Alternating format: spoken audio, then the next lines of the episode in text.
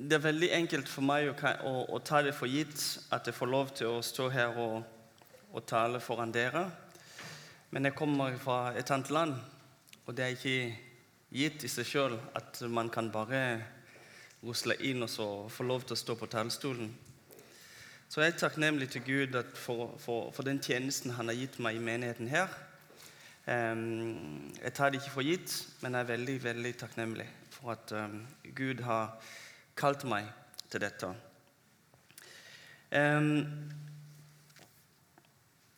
Så velkommen alle sammen til talen i dag. Eh, som sagt så er tema for dette semesteret sendt. Og i den forbindelse så har vi mot, motstand som, som tema i dag. Sendt er et viktig tema eh, for oss her i Nukikken hall. Eh, jeg tenker at først pga. eh, misjonsbefalingen. Fordi at I Matteus evangeliet eh, kapittel 28, 16-20, så leser vi eh, og ser at Jesus er veldig opptatt av dette, eh, av misjonsbefalinga. Og, og, og det er det han formidler til disiplene rett før han i hvert fall før han drar ifra de da. Så han ber de derfor om å gå ut og gjøre alle folkeslag til disipler ved å døpe dem i Faderens og Sønnens og Den hellige ånds navn, men også ved å lære dem alt han hadde befalt dem. Og Den misjonsbefalingen har vi også tatt på oss som kristne som lever i dag. Fordi at siden vi er kristne, så er vi Jesu disipler. Og så er det spesielt viktig for oss her på Hall, fordi at eh, sendt skal egentlig være en naturlig del av vår DNA. Altså det er vår identitet skal defineres av å være sendt til mennesker. Som dere kan se i visjonen vår, det er kanskje ikke veldig tydelig, men eh, det står Gud gjennom oss til mennesker. Og den siste delen der til mennesker egentlig snakker om sendt. Vi har et dokument hvor vi fordyper disse uttrykkene som vi har i visjonen vår.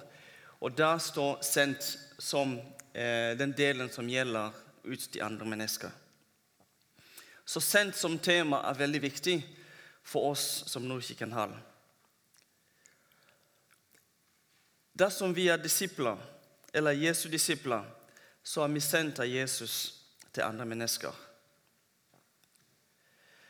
På samme måten så kan vi si her på Nordkirken Hall eh, at dersom man, dersom, man, eh, dersom man velger å være en del av menigheten her, så har man egentlig valgt å bli sendt ut til andre mennesker.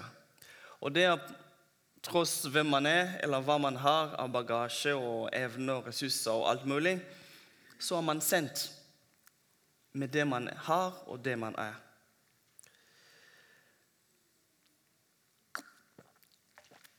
Så tror vi at vi har et veldig godt utgangspunkt for å gå ut og, til andre mennesker. For i utgangspunktet så har vi fått Gud bak oss. Jesus sier at han har all makt i himmelen og på jorden. All makt har han.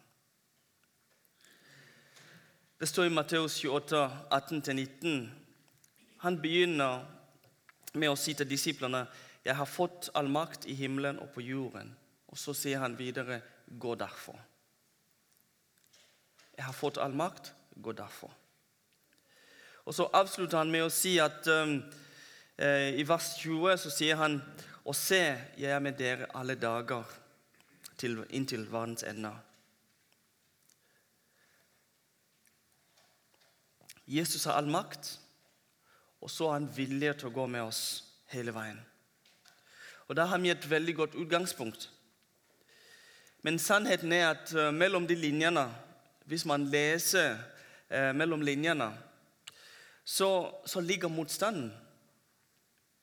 For hvorfor da var det viktig for Jesus at han hadde all makt i himmelen og på jorden? Hvorfor var det viktig at han er med oss hele veien?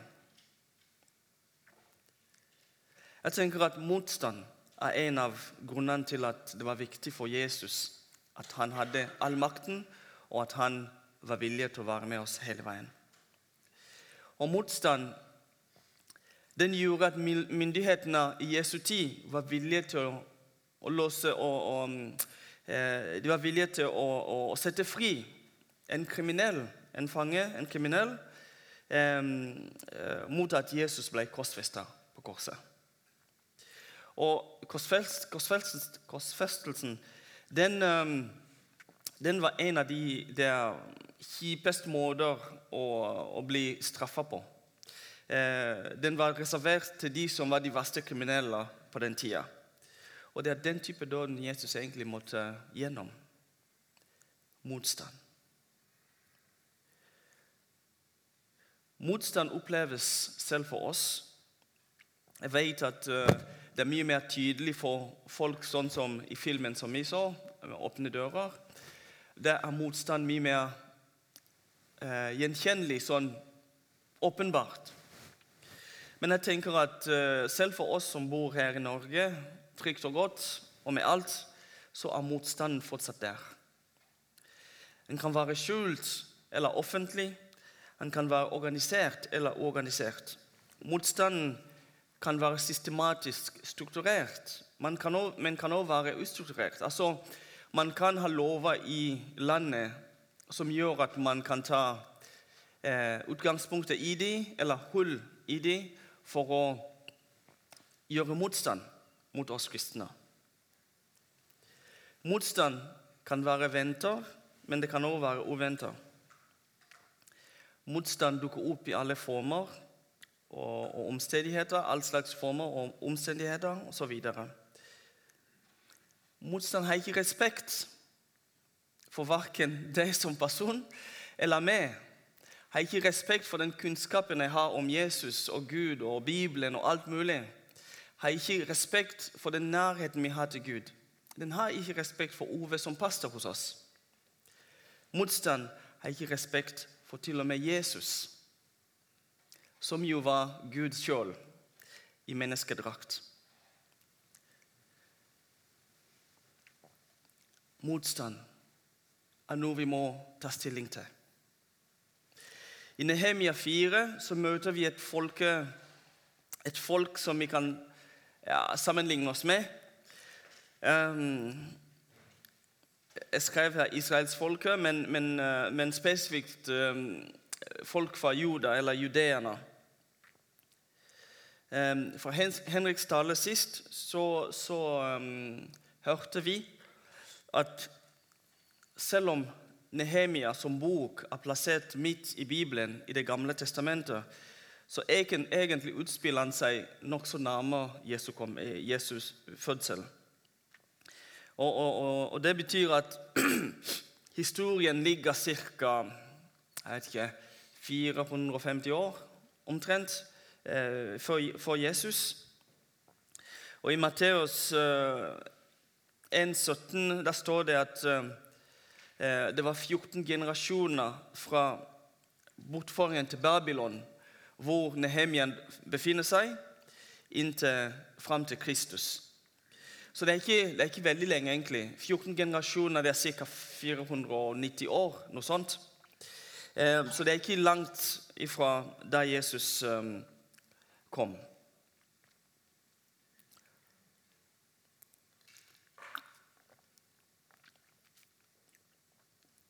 Og for deg som er interessert i å, å sette ting i perspektiv og, og, og, og, den type ting, dykke dypere inn i det, så, så anbefaler jeg å, å, lytte til talen til, til Henrik eh, fra Var det fire uker siden?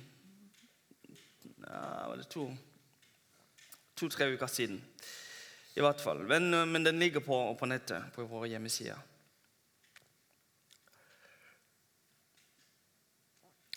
Det viktige er at eh, israelsfolket, eller judeerne, de hadde kjent Gud i veldig, veldig mange år. Og De hadde fått oppleve oppturer og nedturer. Og Gjennom de opplevelsene hadde de lært seg å stole på Gud når det, mest, når det meste rundt dem var, eh, var, var fallende. Eller, eller det meste rundt dem eh, låst seg. Med andre ord så kan man si at de hadde lært seg å stole på Gud i motstand. Israel var okkupert, og de blant dem som egentlig eh, hadde ressurser eller var eh, smarte, de som var beste, de som hadde eh, eh, evner, spesielle evner De mest lærde iblant de ble tatt vekk fra de, og, og kun de som egentlig var de laveste Jeg vet ikke hvilken ord jeg kan bruke, men, men de svake ble igjen. Alle de sterke og ressurssterke ble tatt vekk fra dem. Og det skulle gå 50 år før de første eh, judeerne kunne komme tilbake til landet sitt. Og det tok ytterligere 90 år omtrent før Nehemia kom tilbake for å bygge opp hjemlandet sitt. Um, Nehemia hadde hørt om uh, hvor tungt det hadde vært for de som ble igjen hjemme i hjemlandet, um, og, og, fikk et stort hjerte for folket sitt.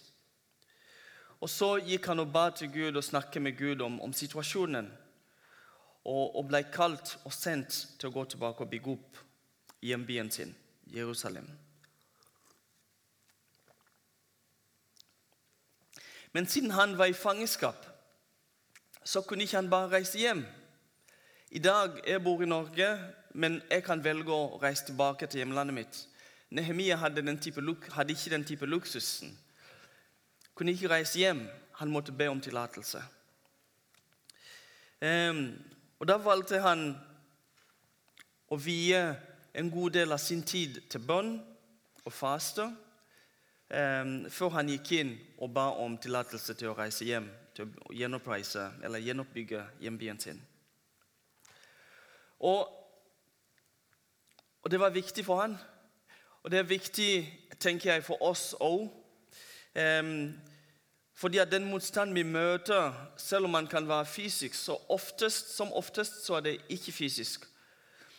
Og da, og da, og da er reglene litt mer vanskeligere å forstå. Hvordan får man gjennomslag? Altså, Det er ikke noe lov du kan peke på og si at basert på den loven der, så skal jeg ha gjennomslag for min tro. Det fins ikke. Jo, det kan være noen lover som beskytter deg. Ja. Men, men, men, men vi må kjempe i det åndelige. Um, så han, han tok også viet en god del tid til bønn og faste. Eh, og, og, og, fikk et tydelig kall fra Gud til å reise til hjembyen sin. Og han testet ut den, det kallet ved å be om tillatelse hos kongen til å reise tilbake hjem. Og han opplevde medgang. Han fikk tillatelse, og det kan vi lese om i Nehemia kapittel 2, vers 6, for de som er interessert. I tillegg fikk han også eh, brev fra kongen. Og, og, de brevene var viktige fordi at de garanterte sikkerhet for han og, og, hans, og, de, de, som slo, slo folde med han tilbake til, til Juda. Men de òg garanterte ressurser til gjenoppbyggingen av, Juda, av Jerusalem. For da kunne han få ressurser fra landene rundt materialer som var nødvendige for gjenoppbyggingen. Så han gjorde veldig mye forarbeid og forberedelse uten hindring. Han fikk oppleve at Gud var med. Gud hadde kalt han, Gud hadde sendt han, Gud hadde gjort, lagt alt til rette for at han skulle ha suksess i det han skulle, eh, han skulle inn i. Så kom han til Juda og begynte litt sånn i det stille å se seg rundt, finne ut, kartlegge situasjonen. Men den dagen det ble kjent at, uh, av de i nærområdet at gjenoppbyggingen skulle begynne, da dukket opp motgangen, motstanden.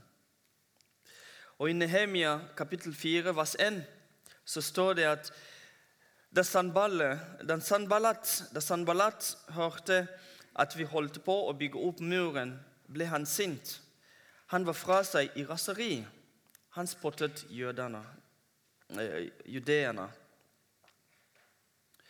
I vers 2 så står det at um, eh, han sa til landsmennene sine og til Herren i Samaria hva er, det, hva er det disse elendige judeerne driver på med? Og så var det andre stammer rundt forbi som slo seg sammen med han. Og så sa de, la de bygge så mye de vil, men vi skal knuse dem. Altså, Først har han fått kalle, så har han viet masse tid i bønn og faste. Så har han fått tillatelse fra kongen, og alt virker på stell. Men så kommer motgangen fra uventa hold.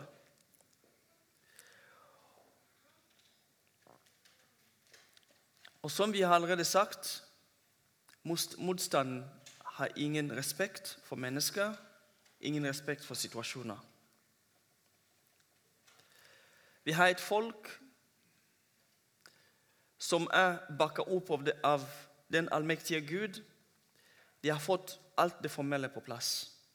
Alt de trenger av dokumentasjon og, og beskyttelse, har de fått på plass. Regelverket og alt er på, på stell. Allikevel så møter du motstand.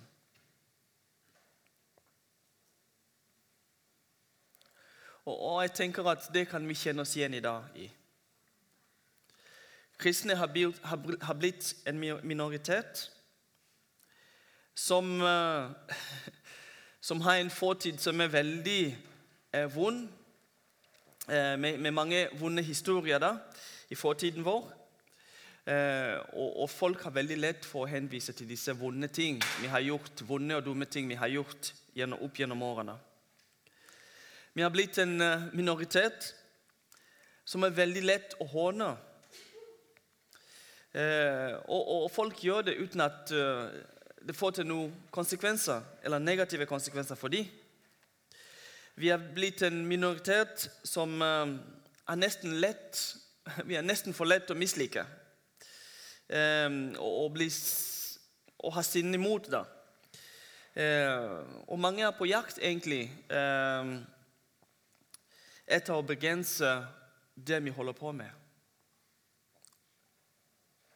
Jeg hørte for to-tre to, dager siden Radio 316, og der hadde de en sånn liten uh, Det var ikke andakt, men det var noe om uh, Bibel og media og et eller annet sånt. Og da hørte jeg at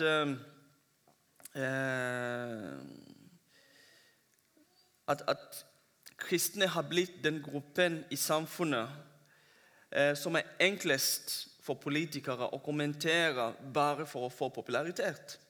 Altså Bare du sier noe mot kristendommen, så får du veldig masse ros av andre.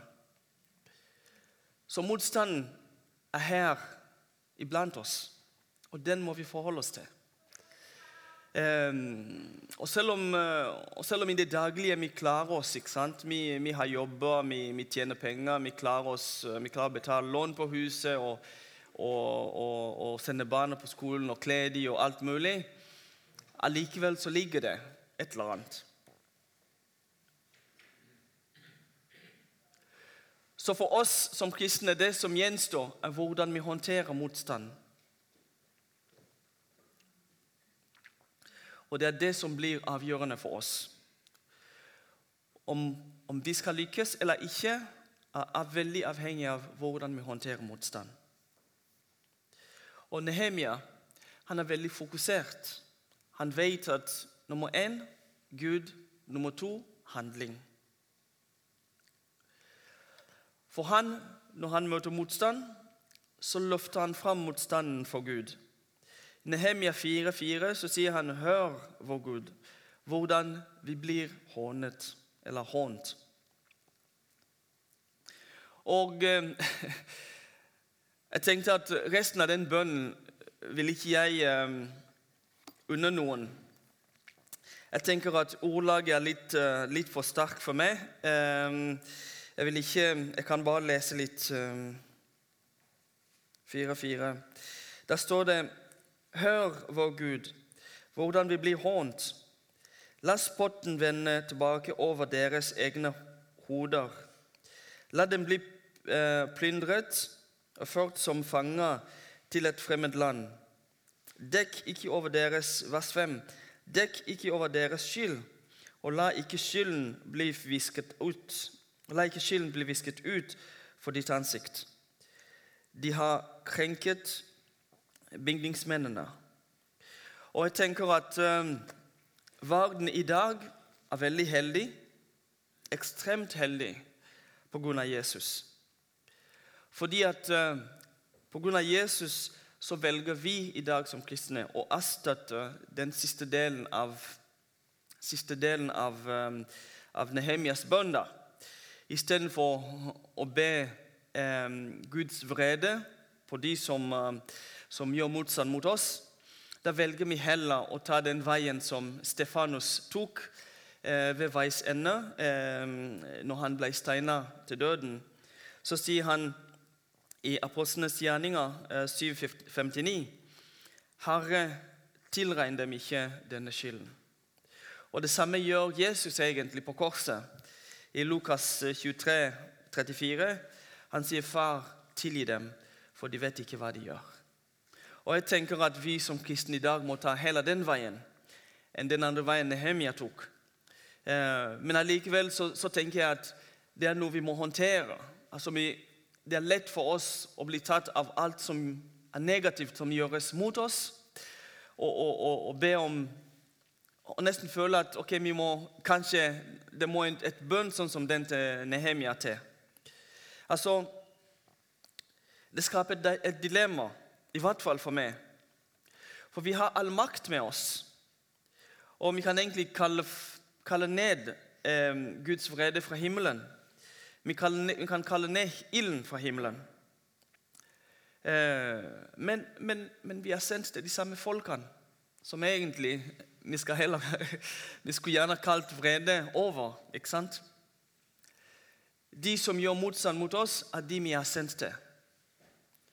De gjør motstand mot oss, men vi er sendt til å elske dem.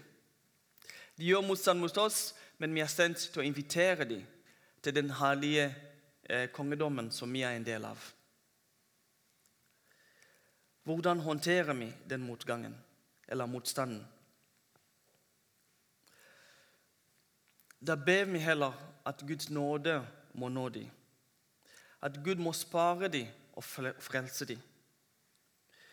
Og så har vi det er den første delen, Nehemia. Han har fokus på Gud. Han vet at det er ingenting vi kan få til uten at Gud er med.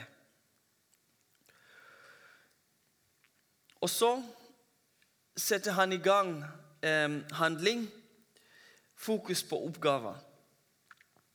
Nehemia sier, eh, det står i Nehemia 4,6 at, så byg, at okay, der står det Så bygde vi opp muren eh, i halv høyde, helt rundt, og folket la sitt hjerte i arbeidet.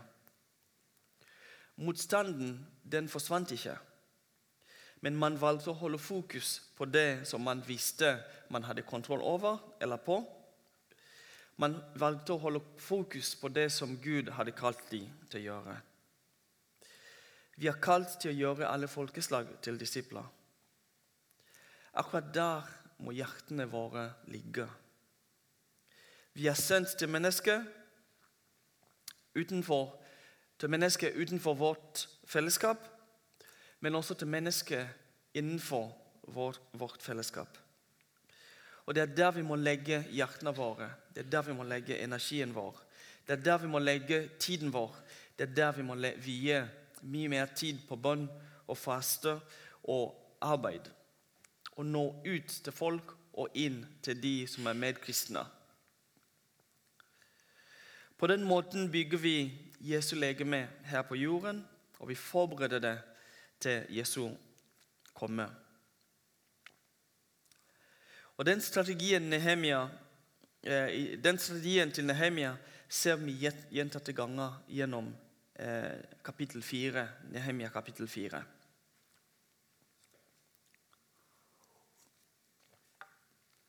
For hver gang de opplevde motstand, så ba de til Gud og la strategi på hvordan de kunne fortsette å arbeide selv med motstand rundt dem.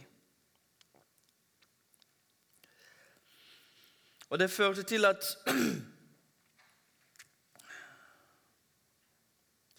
de måtte ha fokus på de mest utsatte områder på muren. De måtte sette folk til å jobbe sammen med de folk som de kjente, folk de var trygge på, sånn at ikke fremmede kom inn og ødela organisering internt. De måtte fordele oppgaver slik at noen hadde ansvar for spesifikke områder. Altså Ikke alle gjorde alle ting samtidig. Det var noen som måtte stå vakt eh, for sikkerhet, mens andre jobba. Og det var noen som eh, det ikke var mulig å stå vakt for mens andre jobba. De som bærte f.eks. materialer, de måtte ut av byen for å hente. Og Da måtte de ha våpen i den ene hånda og jobbe med den andre. De måtte finne bedre måter å kommunisere på og formidle informasjon på. De måtte ha vakthold på natten. Um, og til og med å unngå å skifte klær fordi at de måtte være på vakt hele tida. Og gjennom alt dette var holdningen tydelig for judeerne. Og Det står i Nehemia 4, 14. Da hadde de en holdning hvor de sa Vær ikke redd for dem. Vær ikke redd for motstand. Tenk på Haren, den store og skremmende, og kjemp for brødrene, sønner og døtre, kvinner og hjem. Så de hadde fokus på Gud, fokus på oppgaven. Og de sto sammen, stolte på Gud og fortsatte å arbeide mot målet. Motstand må sette ting i perspektiv for oss. Den må tvinge fram spørsmålet om hva vi står for, og um, hva vi har vilje til å kjempe for. Judeerne måtte, uh, måtte ta stilling til dette, uh, og, det, og det må vi gjøre. Og Det er kanskje enda vanskeligere for oss, for det virker som om vi har mange alternativer. Judeerne hadde ikke noe alternativ. De kunne ikke flytte til nabobyen. De måtte leve i sitt område. For oss i dag så føles det som om vi har alternativer. Vi kan trekke oss tilbake, være hjemme, melde oss ut av menigheten. Vi kan bytte menigheten. Vi kan uh, flytte oss til et annet sted, en annen by, et annet land. Men motstanden den vil alltid være der for oss som kristne. Og den tvinger fram spørsmålet hva står vi for, hva er vi villige til å kjempe for?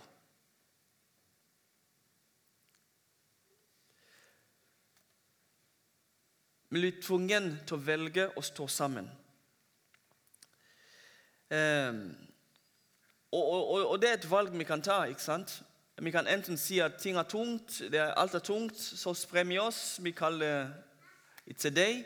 Da går vi hver vår vei, eller vi kan velge å stå sammen. Vi alle bar med oss noe bagasje fra før. Og det kan være et hinder for, at vi kan, for den, der, den der viljen til å stå sammen imot, motvind. For vi har opplevd mange nederlag sjøl. Vi har opplevd frykt. Vi har opplevd um, avslag eh, fra mennesker rundt oss. Eh, vi har opplevd sykdom. Eh, noen av oss kan ha hatt dårlige selvbilder fra før av. Og alle disse tingene her, når, de, når man kommer med dem og møter motstand, det gjør noe med en. Det gjør noe med måten vi reagerer på. Men vi kan ikke løpe fra. Vi må stå i det. Vi har godt av å stå sammen i motstand eh, dersom vi skal klare å ta, oss, eh, å, ta med oss flere til himmelen. Eh, vi har ikke tid til å, til å liksom, uh, peke finger på hverandre og prøve å finne ut hvem sin skyld er det at ting ikke fungerer sånn som de skal. den tiden vi har, er tiden til å stå sammen. Vi har godt av å passe på hverandre, slik at ingen skal mangle noe, og, alle, og ingen skal komme til skade. Vi har godt av å kunne kommunisere med hverandre og forstå hverandre på tross av det avstanden som er der mellom oss. Om det er avstand åndelig, avstand fysisk, avstand i mening Vi har godt av å kommunisere likevel.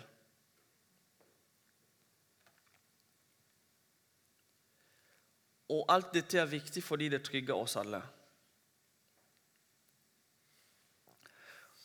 Dette med å stå sammen er viktig, ikke bare i menighetssammenheng, men også i familiene, blant venner og, og, og, um, og på jobb og ja, overalt. Dersom vi lykkes med dette, blir det enklere å oppleve det som uh, Altså å komme gjennom motstand. Vi må stå sammen. Og Jakob skriver i Jakobs brev 1, vers 2-3. Der står det um, Se det bare som en glede, søsken, når dere møter alle slags prøvelser. Se det bare som en glede, søsken, når dere møter eh, alle slags prøvelser. Så sier Peter òg, første, brevet, eh, første Peters brev, kapittel 4, fra vers 12 til 19, der er det veldig mye å lese. Eh, og veldig, veldig interessant og fin lesning egentlig for de som, er, som, som vil, eh, vil, ta det. Jeg skal lese en del av bibelversene, bare, bare hoppe over noen av de. Eh, men les gjerne hele fra 12 til 19. Første Peter 4, 12 til 19. Der står det blant annet Hva stolt, Mine kjære, vær ikke forundret over den um, ildprøven dere må gjennom, som om det hendte, no, som, som om det hendte dere noe uventa. Altså, vi må forvente at motstand er der. Vers 13.: Gled dere jo, jo mer Gled dere jo mer dere får del i Kristi lidelser. Gled dere jo mer dere får del i Kristi lidelser. Vers 14.: Salige er dere når dere blir spottet for Kristi navns skyld, for Guds ånd hviler over dere. Vers 16 står der Men lider noen fordi han er en kristen, skal han ikke skamme seg, men prise Gud for dette navnet. Og Det er masse innimellom der som jeg ikke har lest. Jeg vil gjenta 1. Peter 4, 12-19. Veldig fin lesning.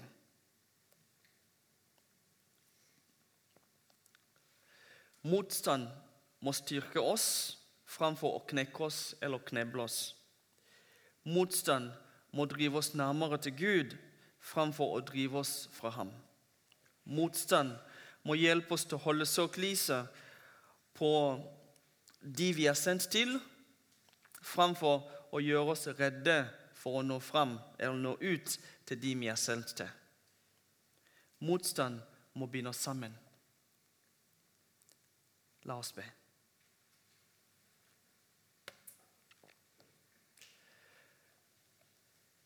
Gud, vi takker deg veldig for ditt ord.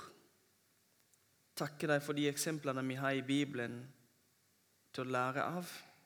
Takke deg for, for Din Hellige Ånd som er med oss og i oss, som utruster oss, som leder oss. Takke deg for at motstand er ikke noe vi skal være redd for, men at noe vi skal møte fordi at du har all makt og du har vilje til å være med oss gjennom det. Jeg ber for alle som er her, her til stede, men også eh, de som ikke er kommet i dag. ber om at du hjelper dem i det daglige til å håndtere motstand. For oss som menighet ber om at du leder oss, at du viser oss din vei. Vis oss hva du gjør iblant oss. Vis oss hvor du vil at vi skal gå. Vis oss den veien, Gud. Og gi oss mot til å stå opp. Gi oss mot til å stå imot. Velsign oss, Gud. I Jesu navn. Amen.